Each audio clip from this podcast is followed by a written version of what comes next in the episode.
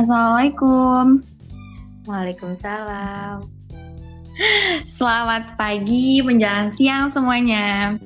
Apa kabar nih kalian semua? Semoga dalam keadaan sehat walafiat ya.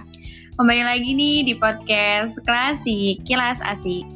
Aku seneng banget deh rasanya ketemu kalian uh, para pendengar podcast Asik. Karena ini pertama kali ya aku jadi pemandu di podcast Klasik ini.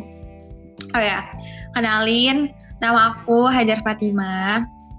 Aku temennya uh, Nurul. Jadi di sesi podcast kali ini kita akan membahas tentang teori uh, penawaran dan permintaan dalam Islam dengan narasumber Izzat Nurulhana. Nurul, apa kabar nih Nurul? Alhamdulillah baik Jar. Kamu gimana kabarnya? Alhamdulillah baik. Alhamdulillah. Nah, sebagai pembuka, boleh dong Nur jelasin sedikit terkait konsep dari penawaran dan permintaan dalam Islam. Boleh dong. Jadi, eh, pengertian dari permintaan dan penawaran dalam Islam ini kalau misalnya konvensional konvensionalnya permintaan terhadap barang dan jasa didefinisikan sebagai kuantitas barang dan jasa yang orang lain bersedia untuk membelinya pada berbagai tingkat harga dalam suatu periode waktu tertentu. Nah, secara garis besarnya, permintaan dalam ekonomi Islam itu sama dengan konvensional. Namun, prinsip-prinsipnya itu harus diperhatikan oleh individu muslim dalam keinginan. Contohnya kayak misalnya permintaan didasarkan pada pemenuhan pemenuhan kebutuhan bukan keinginan belaka gitu. Jadi kalau misalnya kita ingin membeli barang itu harus diprioritaskan sesuai kebutuhan gitu. Yang hmm. keinginannya itu dibelakangin. Nah, dan juga e, permintaan terhadap barang halal. Kita harus memperhatikan e, barang itu apakah halal atau haram. Dan yang terakhir permintaan barangnya harus maslahah Nah, sedangkan penawaran adalah e, jumlah barang ataupun jasa yang tersedia dan dapat ditawarkan oleh produsen kepada konsumen pada setiap tingkat harga tertentu dan selama periode waktu tertentu. Nah, dalam penawaran Islam yang membedakan dengan konvensional yaitu bahwa barang dan jasa yang ditawarkan harus transparan dan rinci spesifikasinya, gimana keadaan barang itu, uh, kelebihan sama kekurangannya itu harus dijelasin gitu. Jangan sampai kita menawarkan barang itu tuh malah merugikan pihak yang mengajukan permintaan gitu. Karena pada zaman ketika Rasulullah berdagang aja beliau menyebutkan harga beli barang tersebut dan menawarkan dengan harga berapa barang tersebut akan dibeli. Hmm, wih, masya Allah. Tadi udah jelasin kan konsep dari teori permintaan dan penawarannya dalam Islam. Lanjut nih, ngomong-ngomong soal permintaan dan penawaran, pastinya ada dong faktor-faktor yang mempengaruhi permintaan dan penawaran tersebut. Kalau boleh tahu, apa aja tuh faktor-faktornya? Ada dong tentunya. Nah, di antaranya di sini Nurul bakal ngejelasin apa faktor-faktor permintaan dulu ya. Yang pertama itu ada harga barang itu sendiri gitu. Maksudnya uh, jika harga suatu barang semakin murah, maka permintaan terhadap barang itu akan bertambah dan begitu pula sebaliknya. Nah, yang kedua, harga barang lain yang terkait. Jadi, keterkaitan dua macam barang itu dapat bersifat substitusi, pengganti dan sifat komplementer atau tambahan. Misalnya, eh, barang substitusi dari daging sapi itu daging ayam, ikan dan tempe. Jadi kalau misalnya di, di pasar daging sapi nggak ada, otomatis orang-orang itu pada nyari pengganti gitu kayak misalnya tempe, ikan atau yang lainnya gitu. Nah yang ketiga tingkatan pendapatan per kapita.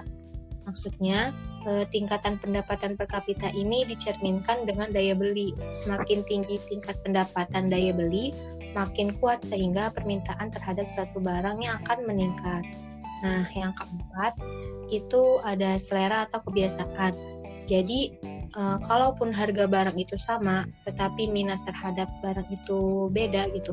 Contohnya kayak misalnya di pasar, ada yang jual bar, uh, beras yang satu tuh mereknya Pandan Wangi terus yang satu mereknya Rojo Lele gitu nah harga keduanya itu sama gitu cuman uh, masyarakat itu lebih memilih yang beras harga eh mereknya Pandan Wangi mungkin itu karena selera mereka atau kebiasaan mereka gitu kan hmm.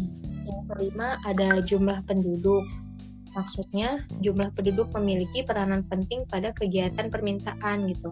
Karena semakin banyak penduduk, semakin pula banyak permintaan. Yang keenam, ada perkiraan harga di masa mendatang. Apabila kita memperkirakan harga suatu barang itu akan naik gitu, maka lebih baik kita membeli barang itu sekarang gitu, sehingga mendorong orang untuk membeli lebih banyak barang lagi guna menghemat di masa yang akan datang. Dan selanjutnya ada distribusi pendapatan. Maksudnya, nah, jika distribusi pendapatan itu buruk, berarti daya beli akan melemah, sehingga permintaan terhadap barang juga akan menurun. Yang terakhir ada usaha-usaha produsen meningkat penjual, meningkatkan penjualan. Jadi di sini tuh usaha-usaha yang dilakukan agar permintaan pada suatu barang itu meningkat otomatis para produsen itu akan mempromosikannya atau mengiklan mengiklankannya. Wah, baik juga ya. Lanjut, sekarang kita bahas tentang faktor-faktor dari penawaran. Apa aja tuh kira-kira? Nah, kalau misalnya faktor-faktor dari penawaran itu ada yang pertama ada biaya tek biaya dan teknologi. Itu tuh dua konsep yang sangat erat berkaitan satu sama lain gitu. Nah, yang dimaksud dengan biaya di sini adalah sesuatu yang dikeluarkan untuk memproduksi barang dan jasa yang mencakup biaya ketenaga kerjaan, biaya bahan baku, biaya mesin, dan biaya yang lainnya. Sedangkan teknologi adalah penemuan dan peningkatan yang diterapkan untuk menurunkan biaya produksi. Contohnya kayak otomatisasi produksi atau penggunaan robot. Dan yang kedua ada jumlah penjual uh, sudah sangat jelas di sini damp, uh, jumlah penjual ini tuh memiliki dampak yang baik gitu bagi penawaran karena makin banyak jumlah penjual yang mampu menjual pada tingkat harga tertentu maka akan berimbas pada tingginya penawaran itu sendiri misalnya eh, di pasar itu di pasar tradisional terdapat si A yang menjual ikan asin dengan harga 10.000 dan si B menjualnya dengan harga 8.000 gitu. Maka dari sini para pembeli dapat menentukan penawaran harga dengan cara membandingkan harga dengan penjual lainnya. Nah, yang ketiga ada dugaan tentang masa depan. Faktor ini mencakup dugaan men mengenai perubahan harga barang dari barang tersebut di kemudian hari. Contohnya, eh, jika seorang penjual baju menduga bahwa harga baju akan meningkat di masa depan, maka si penjual tersebut akan mengurangi penawaran harga baju pada saat ini, yang akan mengakibatkan penawaran akan berkurang. Dan yang terakhir ada kondisi alam. Ini tuh sangat mempengaruhi proses penawaran, karena apabila kondisi alam tidak mengentuk uh, seperti halnya terjadi banjir, tanah longsor, gunung meletus, ini tuh bisa mempengaruhi penawaran terhadap barang-barang yang berkurang. Contohnya kayak misalnya hasil pertanian. Apabila di daerah terawas yang notabene tempat penghasil pertanian, pada saat kondisi alam bersahabat, penawaran akan hasil tani dari terawas akan meningkat. Begitu pula sebaliknya, kalau misalnya kondisi alam di terawas ini tidak bersahabat, maka penawaran hasil tani ini akan berkurang. Gimana Jar? Udah paham belum?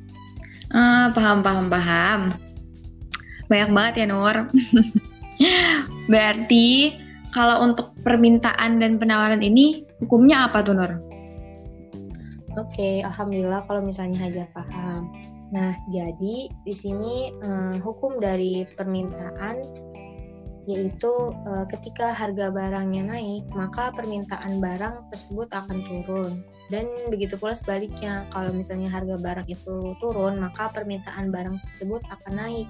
Kayak misalnya contohnya, sekarang tuh kan lagi zamannya kedelai naik ya. Mm-hmm. Otomatis kalau misalnya kedelai naik tuh uh, apa ya minat para pembeli itu bakal kurang gitu mungkin dia bakal cari yang lainnya gitu kan dengan membeli yang lainnya kalau misalnya apa kayak ikan atau yang lebih murah pokoknya kan hmm. itu dan juga uh, apa ya kan kalau kedelai naik tuh otomatis tahu tempe kayak gitu kan naik ya. Dan itu berdampak pada produk-produk yang lainnya kayak misalnya gorengan. Itu kan kayak gorengan tempe tahu itu tuh juga naik gitu. Ikut yang tadinya 1000 jadi 1500 gitu jar. Iya bener bener bener bener lagi zaman ya tahu tahu tempe tuh naik. Di berita-berita juga uh, yang tadinya tahu harga 4000 jadi 5000 sekarang nah iya itu benar-benar nah selanjutnya kalau misalnya uh, hukum dari penawaran yaitu semakin tinggi harga suatu barang maka semakin tinggi juga jumlah penawaran barang tersebut. Dan sebaliknya, semakin rendah harga suatu barang, maka semakin rendah pula jumlah penawaran barang tersebut. Contohnya kayak misalnya eh, ketika harga barang eh, harga si cabai merah naik nih, maka produsen itu akan menaikkan jumlah produksi cabai merah yang ditawarkan supaya eh, para produsen ini apa ya mendapat keuntungan yang lebih besar Ujar. Oh iya sih benar banget harga cabai juga lagi naik ya sekarang. Iya lagi naik makanya banyak banget pokoknya tuh sekarang kayak kedelai cabai itu tuh pada naik gitu. Hmm. Wah masya Allah nih udah dijelasin sama Nurul terkait konsep faktor-faktor dan faktor-faktornya. Nah mungkin ini pertanyaan terakhir ya Nur. Kira-kira beda nggak sih teori penawaran dan permintaan konven dengan Islam? Dan kalau beda, apa sih perbedaan teori permintaan dan penawaran konvensional dengan Islam? Uh, tentunya beda dong.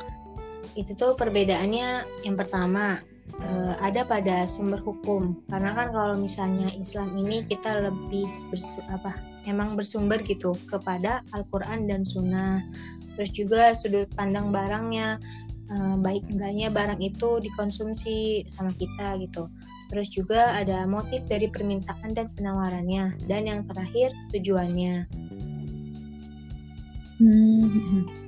Nah, di sini tuh Islam itu uh, agama satu-satunya yang mengemukakan prinsip-prinsip yang meliputi semua segi kehidupan manusia ya, jadi tidak hanya membicarakan tentang nilai-nilai ekonomi gitu. Islam juga telah menanamkan kerangka kerja yang luas berdasarkan kesempatan berekonomi yang sama dan adil bagi penganutnya untuk mengarahkan mereka ke arah kehidupan ekonomi yang seimbang. Dan pandangan ekonomi Islam ini mengenai permintaan dan penawaran ini relatif sama dengan ekonomi konvensional tapi terdapat batasan-batasan dari individu untuk berperilaku ekonomi yang sesuai dengan aturan syariah. Maka dari itu, permintaan maupun penawaran dalam ekonomi Islam lebih bersifat adil. Untung dengan cara bagi hasil, persaudaraan akan lebih kuat tentunya, serta menciptakan mekanisme pasar yang lebih baik bagi kehidupan belah, bagi kedua belah pihak. Nah, semoga uh, apa yang Nurul share ini tuh bisa bermanfaat buat Hajar dan juga teman-teman yang mendengarkan podcast ini ya. Amin, amin. Makasih ya Nur ilmunya. Semoga teman-teman semua setelah mendengar podcast ini jadi paham terkait teori penawaran dan permintaan dalam Islam. Nah, uh, mungkin kita sampai di sini aja ya. Semoga uh, ilmunya berkah. Oke? Okay? Mungkin sekian. Uh, makasih Nurul. Semoga hmm, semua. Makasih banyak Hajar. Wassalamualaikum warahmatullahi wabarakatuh. Waalaikumsalam warahmatullahi.